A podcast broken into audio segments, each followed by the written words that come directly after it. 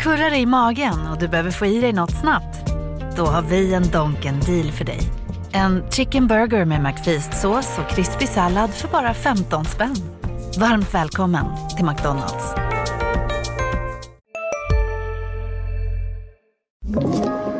Podplay.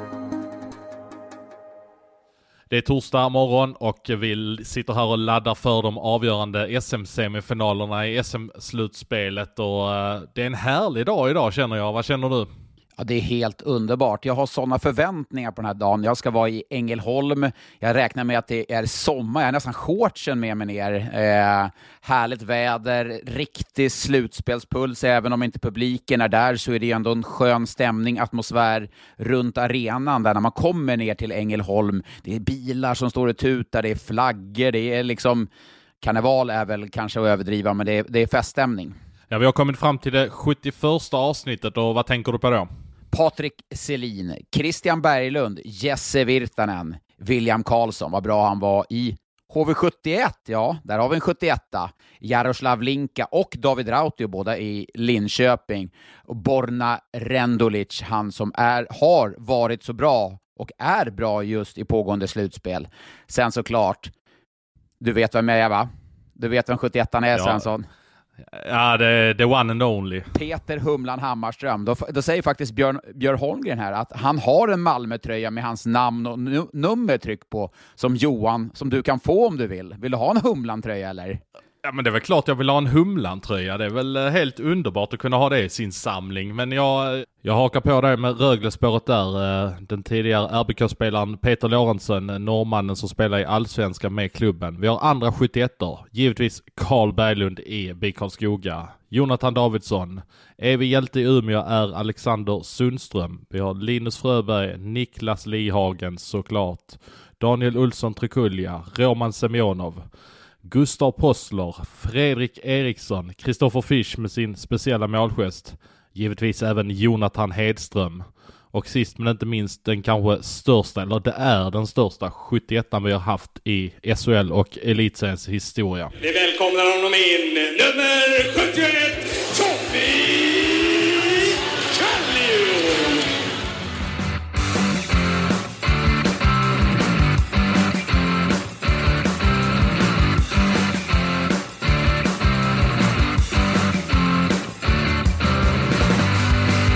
Jag var ju i Örebro i eh, söndags och min känsla var ju att nu är bensinen slut. Men det var den inte. Du var ju där i tisdags och fick se Örebro vinna. Ledde med 3-0, blev till slut 3-2 i en, vad som var då eh, en tight match. Men vad var känslan förutom att det var en målfest sett till deras mått mätt?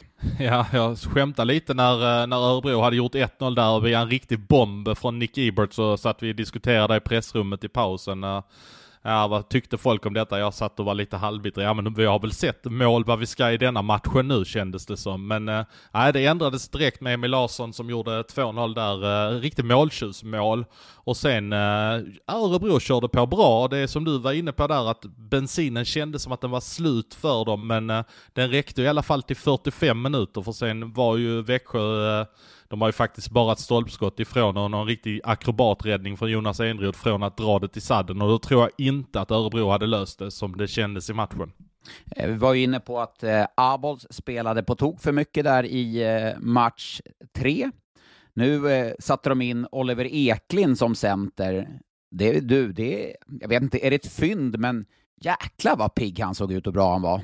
Ja, men Oliver Eklind hörde jag mycket gott om redan när han var i BIK Karlskoga och jag pratade med lite scouter där som när han gick till Örebro ganska sent in på sommaren så pratade jag med lite scouter där som bara Fan det där var ju mitt fynd som jag eh, tänkte värva inför eh, kommande säsong då att eh, vi hade hoppats på att ingen skulle upptäcka honom så att vi kunde norpa honom för det var ett lag då som satt lite tjockt till på sin centeruppsättning och Örebro var ju framme där och högg honom i somras så eh, jag tror att de kan få en rejäl eh, utväxling på honom när han då fått växa in i kostymen här under ett år i SHL. Ja, han var ju väldigt bra tycker jag i, i match fyra och fick då en lite större roll. Abols inte fullt lika mycket istid, hade trycket. Kovacs tyckte jag var bättre. Rendulic som Alltså det är en, han fortsätter på något sätt att förbrylla Rendulic. Han kan ju se så enormt eh, loj ut, ointresserad och nästan nonchalant ut mot sina egna lagkamrater. Och så blixtrar han till ibland, så han är oberäknelig känns det som, som person och som spelare. Ja, och en som också blixtrar till, som inte är forward dock, är ju Nick Ebert som eh, visar prov på sin eh, mäktiga bössa där, på tal om Rendulic som också har en jättebössa. Men där eh, plockar ju Ebert fram det när det behövdes som bäst och bomba in två mål där eh, som eh, i powerplay som är ju ett viktigt vapen här för Örebro känner jag. Om de kanske har lite tunt med folk så gäller det kanske att man sätter dit chanserna man får i powerplay. Men nu är det ju pressen. Det, det, någonstans känns det ju som att det är Växjös serie att förlora det här. Om vi pratar om Ibert som var, var bra här nu senast för Örebro så tycker jag inte att en sån som Joel Persson har varit Joel Persson bra. Vi har varit inne på det tidigare. Nu är pressen ikväll att Joel Persson måste vara bäste back på plan. Robert Rosén måste vara bäst. Emil Pettersson måste vara bäst. Och Andrew Calof, spelare som inte har varit på den nivån som de spelade under grundserien. Och jag, kan, jag lägger inget ansvar på att Fredrik Karlström eller Holmberg, för de, de, spelar på toppen av sin nivå nu, men det gör inte de, som jag nämnde tidigare, så fokus landar ju på dem om eh, Växjö ska ta sig vidare. Ja, men framförallt en sån som Calof har man ju reflekterat över. Han var ju trettonde forward här någon match eh, i, i semifinalerna och han har väl inte riktigt vaknat till liv och Sam lät ju tombolan gå här i tredje perioden. Det, han, han gör det ibland och det blir en del resultat ofta när han gör så, eh, Sam, med han sin tombola. Han har ju skaffat sig en jäkla pondus och lugn i den där tombolan, förstår du? Så att han kan ju liksom, han vet ju att han har ju sånt förtroendekapital och mandat i laget, i organisationen och allting, så han kan göra förändringar och de får ju i regel ofta bra, bra effekt. Men han behöver inte räds att ta ut målvakten med tre minuter kvar för att någon ska säga hur kan du göra så? Men jag, I'm fucking Sam Hallam. Förstår du? Han vet ju liksom att... ja, men förstår du vad jag menar? Ja men verkligen, och det märktes ju på laget också. Man sitter ju så nära bra i Örebro och uh, nu satt jag visserligen på andra etage, men man såg grymt bra där uppe. Man fick en helt annan känsla för spelet. Du, uh, nästan lite, ännu, ännu bättre platser faktiskt. Såg du jumbotronen bra därifrån? Ja, det gjorde jag. Eh, det, det, det, ja, det, det, har ju också varit en diskussion för sig det där med jumbotronen eller mediakuben. Men äh, man, har väl få, man, man, är väl inte jättepopulär i, i Örebro nu när man har anmärkt på det för typ femte gången denna säsongen kändes det som. Men där ska man ju faktiskt väga in att även, även Växjö har ju äh, använt den till sin fördel i den här semifinalserien. Du har ju när Melarts äh, tackling här på Abols i fredags, eh, då visade de ju inte den förrän de faktiskt hade gett honom matchstraffet. Så att de nyttjar ju också det där. Ja, men alla gör ju det till sin fördel. Det finns ju faktiskt inför slutspelet så skickades det ut från SHL eh, fyra punkter som man skulle följa då. Eh, och jag fick det här skickat till mig, exakt vad SHL har skickat ut. Vill du att jag ska läsa? Ja, det är bara att köra. Ja, nummer ett då. Precis som tidigare så kör vi full repressering av goda prestationer, målsituationer och videobedömningar. Det är väl inga konstigheter? Två, vid misstänkta utvisningssituationer, slash huvudtacklingar etc. där domarna konfererar eller inte bestämt straffpåföljd, så ska repressering ske en gång. Tydligt och klart när domarna har möjlighet att se mediakuben under sitt samtal. Här har ju klubbar brustit, det är uppenbart. Tre, det handlar om ett fåtal, men viktiga situationer. Detta ska ske oavsett om det är hemmalag eller bortalag som är i fokus. Är man osäker på situationen så, körs, så kör man en tydlig repris oavsett hemmalag slash bortalag eller grad av förseelse.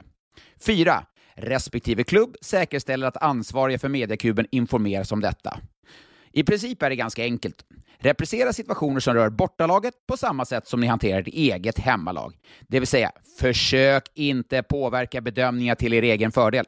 Ja, det är ju glasklart, men äh, frågan är då vad, vad, blir eh, följden om man inte gör som man är tillsagd att göra? Nej, det är ju det, det som det, blir intressant här. Det är ju det som blir ganska tandlöst. Och man pratar ju om liksom som spelare på, i slutspel, whatever it takes, vi gör vad som helst. Det sitter ju då en i det här mediarummet och gör vad whatever it takes. Alltså, kan man beskylla den personen för att hjälpa sitt hjärtans lag? Är du med vad jag menar? Nej, nej, nej, verkligen inte. Utan det är, väl, det är väl det som kallas att ha en hemmafördel antar jag i det här läget. Ja, men eller så sätter man bara en, jag menar det är en liga som omsätter flera miljarder, du sätter bara en böt, en saftig 100 000 om det inte här efterföljs. Eh, sen finns det ju alltid gråzoner. Jag tyckte inte att det här var en tillräckligt stor situation. Jag trodde inte att, jag visste inte att, eh, så det, det går ju liksom aldrig att få, det är lite som målgården ungefär. Det är Eh, det går aldrig att få helt stringent, men det går att göra mycket bättre ja, än vad som är tycker, fallet det, nu. Det, det, det, det, tycker jag visserligen att det bör gå att få i den här målgården. Ska vi ta det på en gång? Jag, jag tycker att det är ganska tydligt att är du inne i den blåa färgen och du har en kontakt med målvakten, då är det inget mål, that's it. Nej, men nu, det är ju också så att spelarna, vet, spelarna säger vi vet ju inte vad som gäller, säger de. Nej, men alltså det är ganska uppenbart. Om man läser regeln så vet du ju att till exempel som Jesper Fredén i Skellefteå, man får inte åka inne i målgården och skymma, skymma visuellt. Det står i regelboken. Det, det borde man ju nästan ha uppklistrat eh, i omklädningsrummet så man vet vad som gäller. Så att, och där blir det också så lite jag tycker det blir lite töntigt när man är så här, ja, vi vet inte vad som gäller, man får inte göra mål i svensk hockey. Ska man då, vi måste skriva om regelboken. Jaha, okej, okay. vänta nu, men det, hur ska vi ha det som vi hade förut, att man inte ens får röra någonting? Som det var för något år sedan, då var det ju jättesnurrigt. Det var ju ännu värre något år innan när det var Färjestad och HV-serien där. Det går aldrig att göra helt rätt, eller rätt, det går aldrig att få det helt eh, friktionsfritt eller diskussionsfritt. Nej, diskussionsfritt tror jag inte det blir, men har du en tydlig regel som säger all kontakt och skymning med en målvakt inom den blåa färgen är inte mål. Det... Då, kommer spelarna, då kommer spelarna fatta att vi ska inte vistas i den miljön. Du hade ett sånt case eh, 30 december 2019 när Linus Ölund i Brynäs eh, rörde, vidrörde, han kanske blåste lite på Oskar Alsenfelt i Malmös mål uppe i Gävle. Kommer du ihåg det? Mm, absolut. Det var ju skittöntigt. Därför tog man ju bort den här kontakten i målgården. För det var ju en kontakt, men den störde inte Oskar Alsenfelt. Alltså Oskar Alsenfelt blev inte ens störd. Då blir, är du inne på att ska vi tillbaka dit igen, då, då tar vi tio steg tillbaka. Ja, men varför tar du ett, varför tar du ett steg tillbaka för den saken? Ska töntighet avgöra? Om du lär dig att all kontakt med en målvakt inom den blåa färgen är inte tillåten. Jo, precis, men då är det ju, nuddar du pyttelite med, med en millimeter med spetsen. Ja men, ja, ja, men då är det kontakt. Det, det, är som att äh, pucken är över med en liten ynka millimeter. Bakåtsträvare. Ja, ja det, det, det, kan du kalla mig hur mycket ja, du vill, men jag tycker... Ja, jag står för att jag är en bakåtsträvare i det här fallet. Jag, tr jag tror att det hade varit mycket enklare. Du hade den med Figren där, äh, Färjestad HV. Uh, då var det ju för att uh, kontakten skedde utanför målgården vill jag minnas. Ja, ja. Uh, och då hade vi inte den regeln. Men jag strunt samma. Jag tycker att om, då lär spelarna sig att vi ska inte vara i den ytan och vi minskar risken för att det blir skador på målvakter också. Absolut. Jo, jag, jag hör vad du säger, just det där med målvaktsskador. Det är ju grundbulten till att vi är där vi är, och det, det är ju positivt. Men eh, om vi bara avslutar den här serien mellan Örebro och, eh, eller Växjö nu och Örebro, vilka vinner? Nej, men jag tror ändå att uh, Växjö, uh, att de drar det längsta strået. Jag tycker ändå de var på G, de hittade en helt annan eh, känsla och attityd där i tredje perioden. Jag tror att hade Örebro defilerat hem det till 3-0, då hade det varit en helt annan sak. Men jag tycker Växjö hittade en känsla där i tredje perioden, att man var på G och att man, man visste hur man skulle göra. Så jag, jag tror att de kommer komma ut ganska hårt här på hemmaplan uh, under torsdagskvällen och lösa uppgiften det hade blivit eh, bättre podd om jag på sann Le Leffe Bork-maner sa emot dig bara för att säga emot, men det blir lite oseriöst. Jag, jag, tror också att, att Växjö tar sig vidare därifrån. Men om vi flyttar fokus till eh, Skellefteå mot Rögle, eller det är Rögle mot Skellefteå i form av hemmaplan där vad, vad är känslan? Jag ska ner dit och göra den matchen, vilket ska bli fruktansvärt kul eftersom det har varit fyra väldigt bra matcher dessförinnan. Nu såg jag ju inte match fyra, men alla rapporter säger ju att Rögle var eh, klart bättre i matchen och att Skellefteå ska vara glada att de har eh, Gustav Lindvall. Eh, samtidigt så minns vi från matcherna i Ängelholm att det var ganska jämna matcher som Rögle vann de två första där så att eh, jag förväntar mig att det kan nog bli ganska jämnt och tajt och varför inte en sudden tillställning igen? Jag tycker det, Skellefteå har varit bättre i en av de här matcherna, det var i match tre. Eh, sen tycker jag i match ett, två och match fyra har, har Rögle varit bättre, men det är det som är med Skellefteå. Då går det inte att räkna ut. Och jag har fått, ja, favorit ska jag inte säga, men det, i slutspelet växer det fram profiler. Vet du en profil som jag tycker har vuxit fram i Skellefteå? Nej, vad tänker du på då? Nej, men tränaren där, Stefan Hedlund.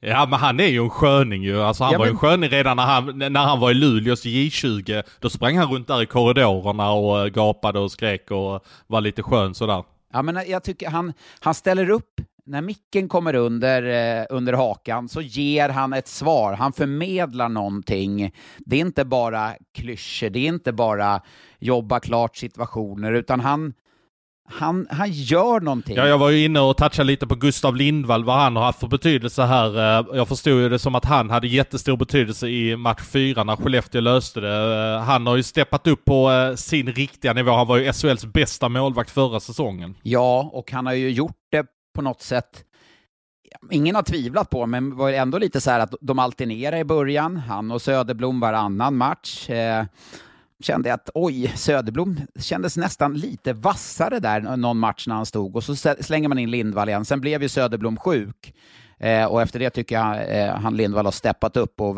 i match fyra var det är den bästa målvaktsprestationen tycker jag sett över hela slutspelet. Jag såg en intervju med Gustav Lindvall efter match två i Ängelholm tror jag det var. Alltså hur jäkla grinig han var tänkte jag att slaget är inte förlorat när jag såg hans ögon och vad han stod och sa där. Alltså, det brinner ordentligt i honom och äh, jag tror han kommer göra precis allt han, eller tror och tror, det är klart han kommer göra allt han kan för att Skellefteå ska ta sig vidare. Men eh, äh, det finns någonting som brinner riktigt ordentligt i honom, det ser man på honom. Frågan är om han ställs mot Daniel Saar och Dennis Everberg. Det är ju det mest, eller liksom det är det viktigaste för, för Rögle. Får man tillbaka de spelarna så, kommer, så tror jag man kommer vinna. Inte enkelt, men man kommer vinna. Det är en matchbild. Hade de spelat, med all respekt för att Skellefteå vann match fyra, men hade de, Sar, Everberg spelat i match fyra, så hade de gjort ett, kanske till och med två mål. Så bra är de, det får man vara ärlig och säga. Det är som att plocka bort Möller och Lindström från, från eh, Skellefteå.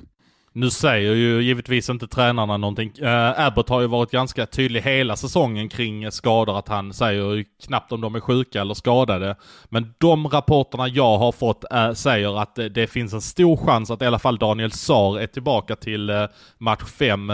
sen så finns det vissa rapporter också som säger att Ted Brithén var lite tveksam när han vaknade efter match 4 i Skellefteå, att han att det skulle vara någonting med honom. Men det, det kan vi ju bara spekulera i eftersom eh, de inte säger ett ljud.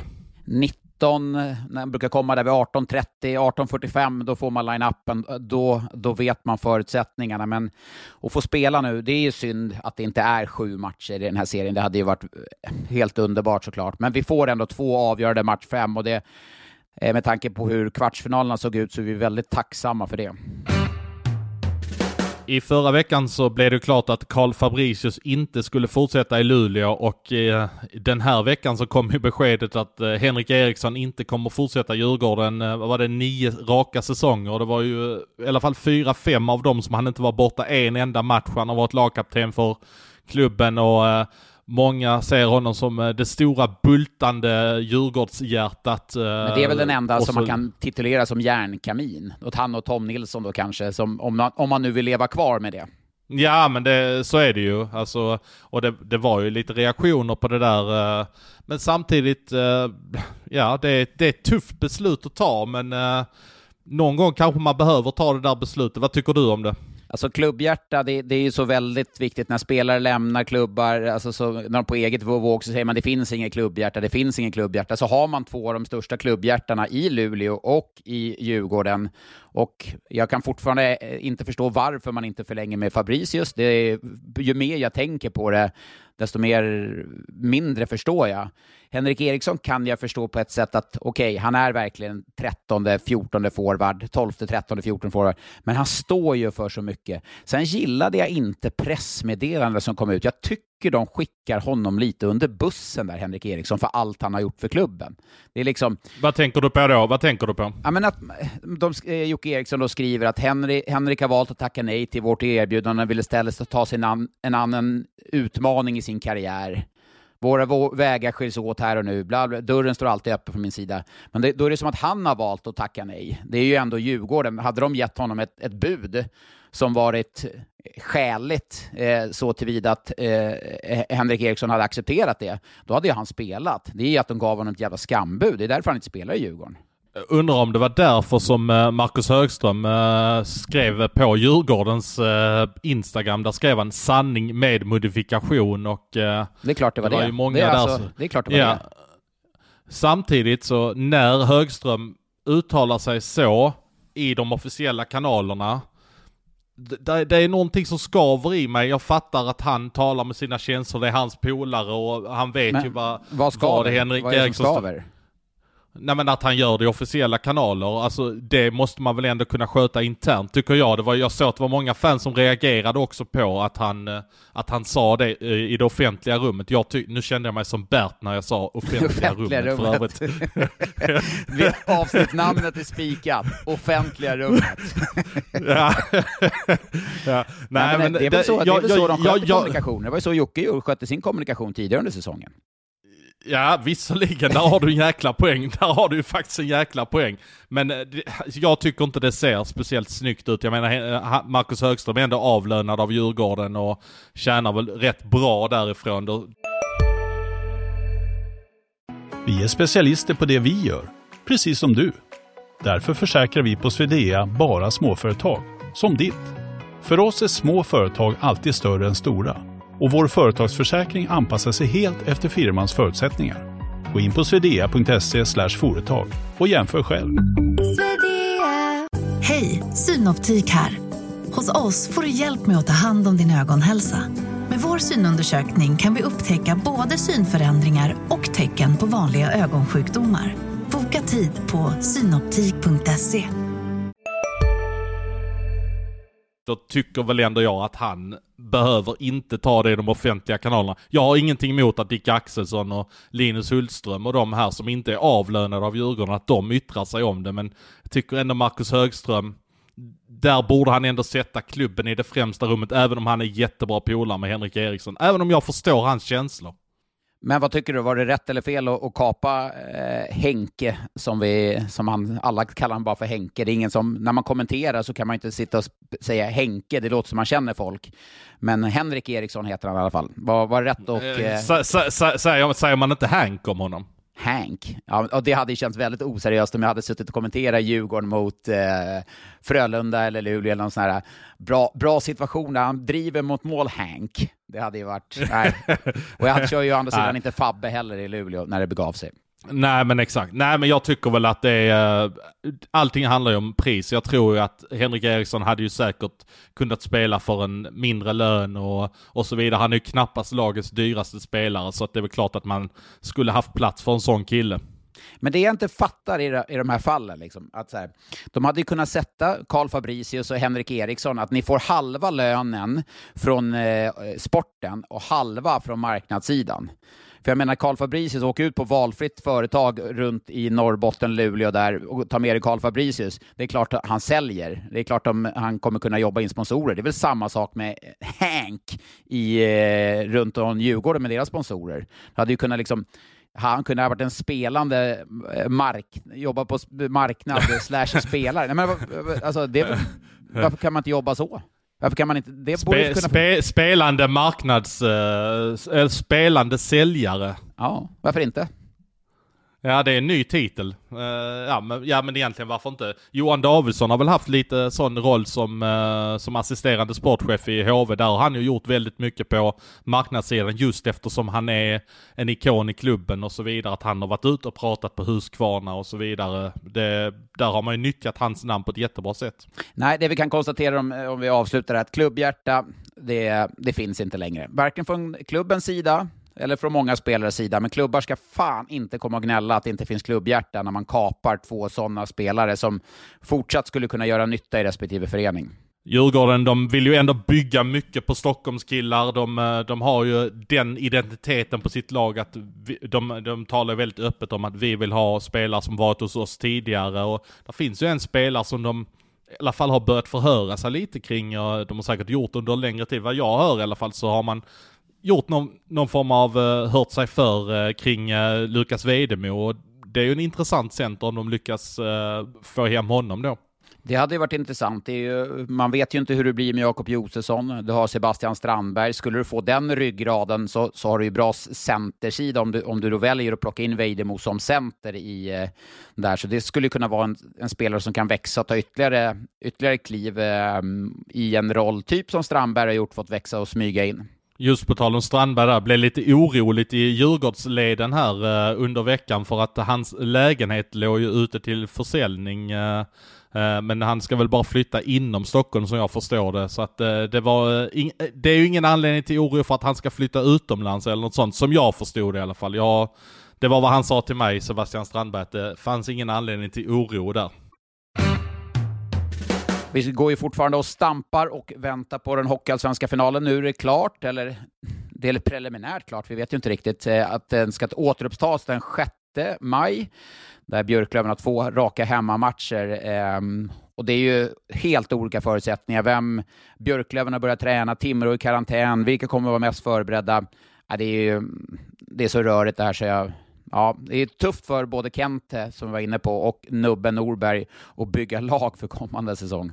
Ja, och det är inte bara de som blir påverkade av detta. Det finns ju en sån som Alexander Deilert, som jag har varit tidigare inne på att, eh, att han ska ju flytta till eh, AIK om det är så att Björklöven inte går upp. Där står ju AIK kanske lite grann och trampar och väntar. Kommer Delert, kommer han inte? Och Delert kommer ju förmodligen få en ganska stor roll i sitt lag, eh, eller i AIK nästa säsong om, eh, om han då kommer dit. Annars måste de ju titta på någonting annat.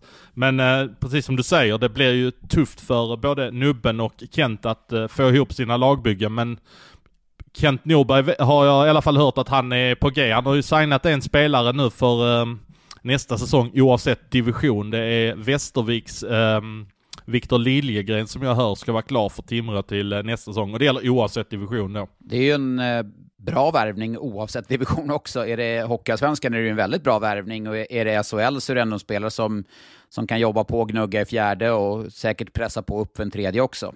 Ja, alltså han är ju en ganska intensiv spelare, han har det i sig. Uh, när jag hörde att han, uh, att han eventuellt hade ett SHL-kontrakt så började jag tänka lite, skulle det kunna vara Örebro som eh, ska ha en ersättare till typ Bagenda eller Glenn Gustafsson? Men uh, jag har fått klart för mig att det är Timrå som gäller för honom nästa säsong oavsett division. Ja, oavsett division. Vi vet ju att Mora kommer spela i Hockeyallsvenskan. Vi pratade om dem i förra podden. Och så går de in och slänger in Axel Bergqvist, backen från Karlskoga.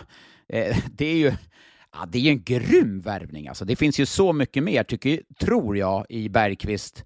Eh, jag tyckte han, när han fick mer istid var han bättre på slutet än vad han var under grundserien, men alltså att Mora landar in honom, det är ju bara hatten av. Ja, alltså Mora, de, eh, de fortsätter hitta den typen av unga spelare. Det är ju Kalle Biketinas till exempel och de eh, har lyckats få spelare att stanna till exempel eh, som eh, Ljunggren och eh, Johan Persson och eh, lite sådana spelare. Så att de får ett grymt intressant lag till nästa säsong.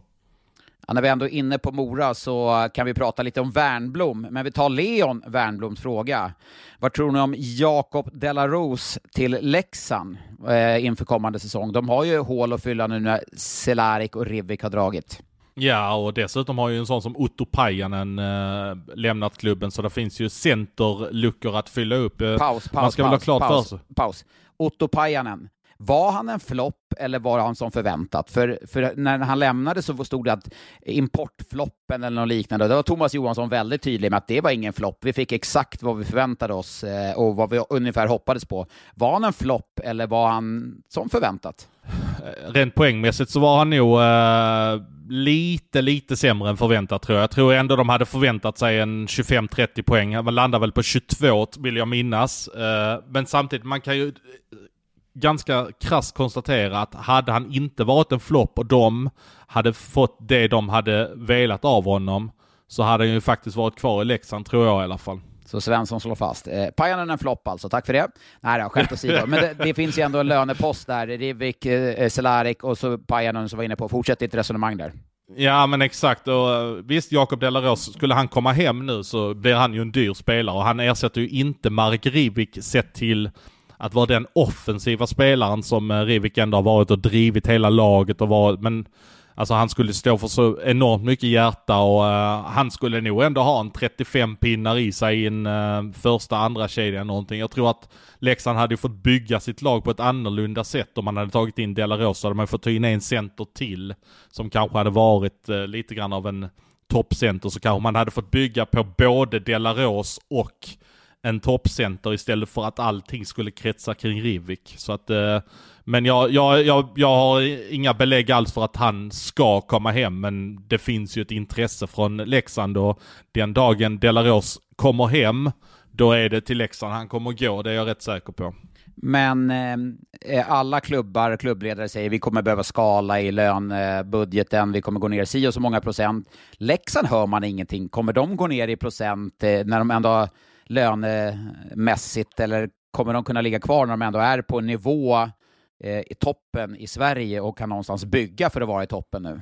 Ja, alltså de var ju ett av lagen som eh, spände bågarna mest rejält den här säsongen rent ekonomiskt. Och det är precis som du säger, man har inte hört någonting kring att de skulle gå ner i budget. Så att jag tror, jag tror och förväntar mig att man kommer att satsa på, kanske inte, kanske inte kommer att öka något radikalt. Men jag menar, Tjumma har ändå varit rätt öppen med att man ska ha en bred trupp för man ska in i CHL och så vidare. Så att man kommer nog lägga en hel del pengar. Man kommer definitivt vara i toppen av eh, lönebudgeten och det är ju bara gratulera Leksand om man klarar av att göra det i, i det här läget. Och det, det kommer tuffare andra år när man kanske inte har man får leva lite grann av följderna efter pandemin. Man eh, fick väl kanske inte riktigt det med man sålde sina säsongskort förra säsongen. Nu ska du börja om på ny kula på säsongskorten. Kanske en del tvekar, eller ja, Lex, Leksingar tvekar väl aldrig. De, de, de, de, ställer väl alltid upp för sitt lag.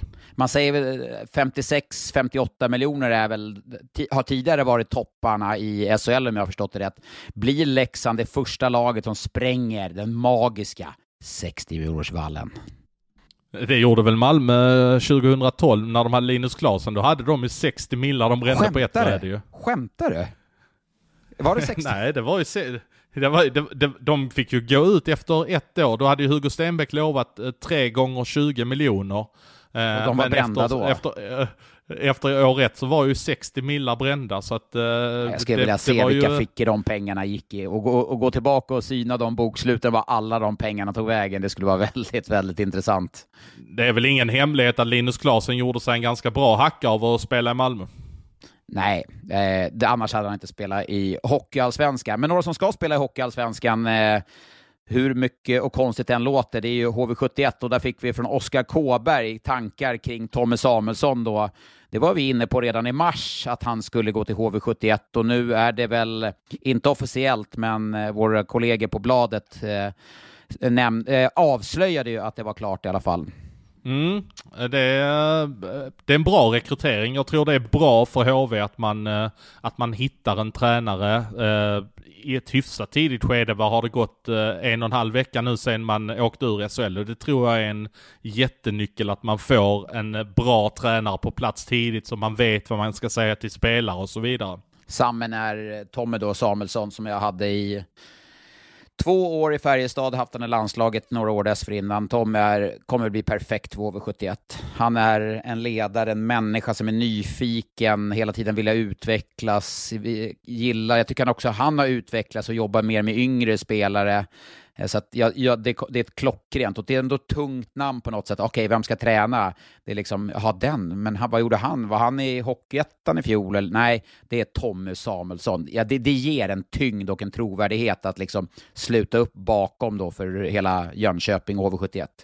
Är det inte dags för Phil Horske nu att, uh, att ta uppdraget bredvid Tommy? De har jobbat ihop i Österrike och han uh, söker ett jobb uh, nu på högre nivå än i division 1 där han har gjort ett bra jobb i Vimmerby. Det är väl ändå läge nu för Phil att, att jobba med Tommy igen? Ja, det känns väl, det känns ju som att han borde vara en av kandidaterna definitivt.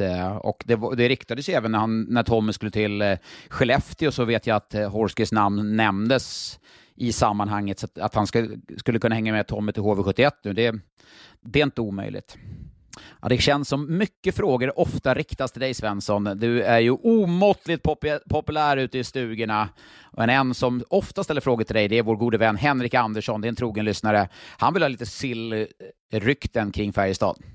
Ja, det, jag önskar att jag hade något jättekonkret att ge honom, men eh, jag har hört lite surr om att eh, Färjestad inte har gett upp eh, chansen att få hem Joakim Nygård i alla fall. Där vet jag att han har ett bra bud på bordet från Davos i Schweiz och han siktar väl kanske på att ta ett eller två år där i Schweiz. Den, det som vi kan slå fast är att Joakim Nygård kommer ju att återvända till Färjestad. Sedan är ju bara frågan när detta ska ske.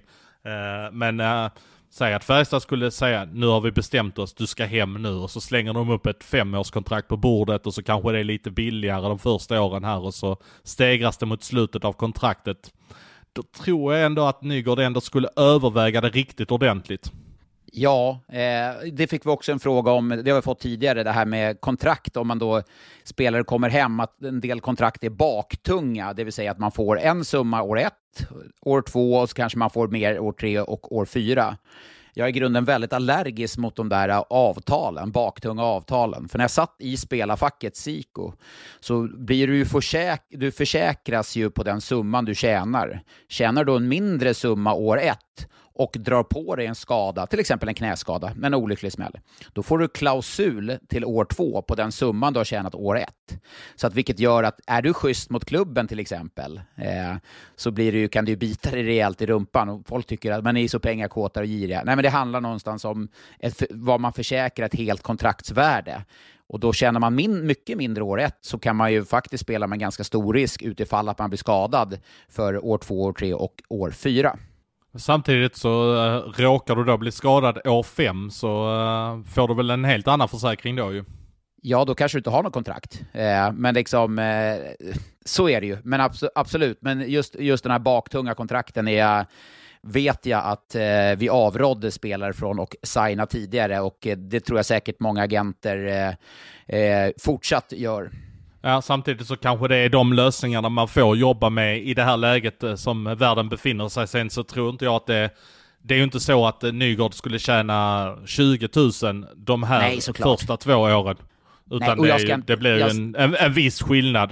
Nej, och jag ska inte sätta mig och vara dum i det här fallet. Det är klart att det är speciella tider och alla kommer få göra uppoffringar och då kommer ju de här baktunga kontrakten kommer ju kanske bli mer, mer tydliga nu med tanke på att eh, oroliga tider och det blir ett nytt tv-avtal som kickar in om två, tre år. Så att det är klart att klubbar kommer nog säkerligen att försöka jobba på det sättet.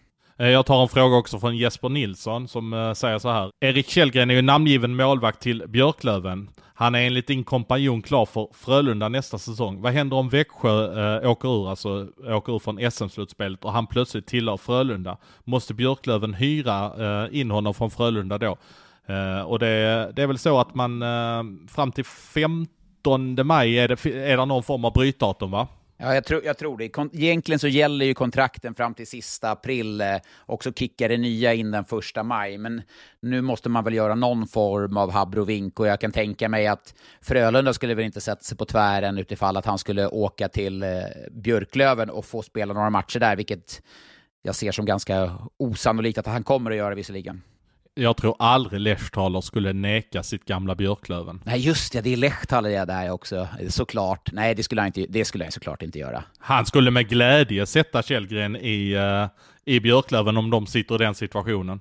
Tänk om man hade, hade signat över Joel Lundqvist, Johan Sundström. Då, då hade nubben gått i taket. Nej, men nu, nu, nu spårar det ut här. Nu spårar det ut. Vi, vi tar en, eh, ett par sista frågor, eller en sista fråga från Liam Johansson och Kalle Freid.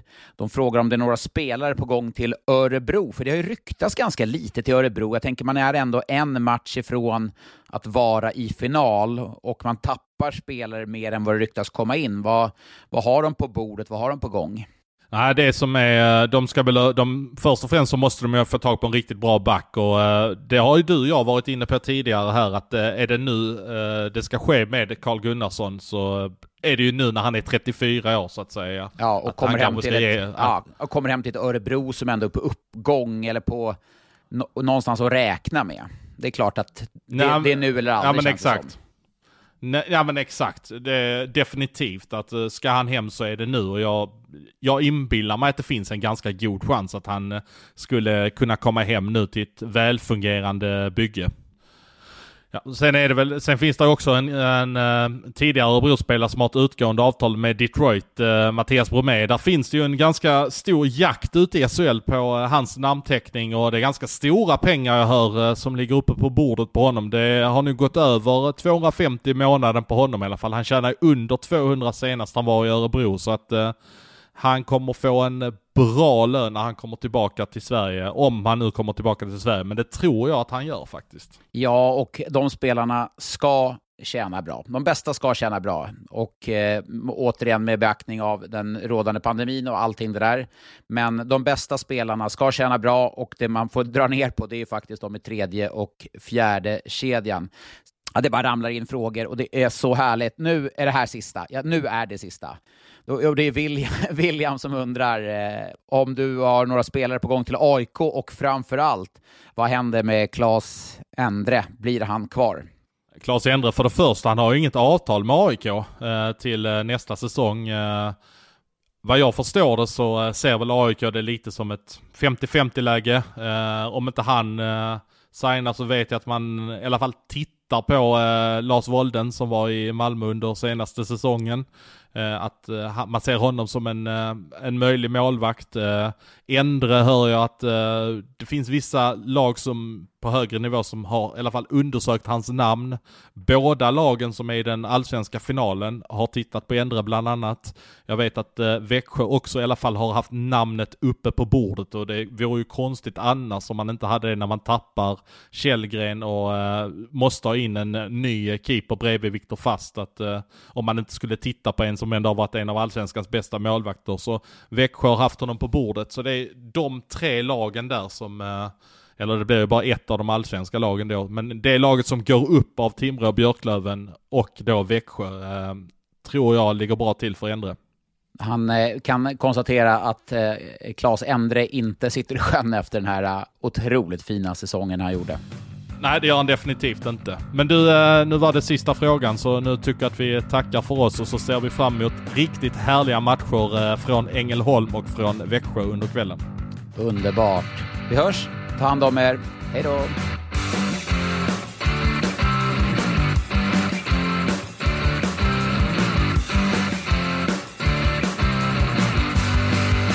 Du har lyssnat på en podcast från Expressen.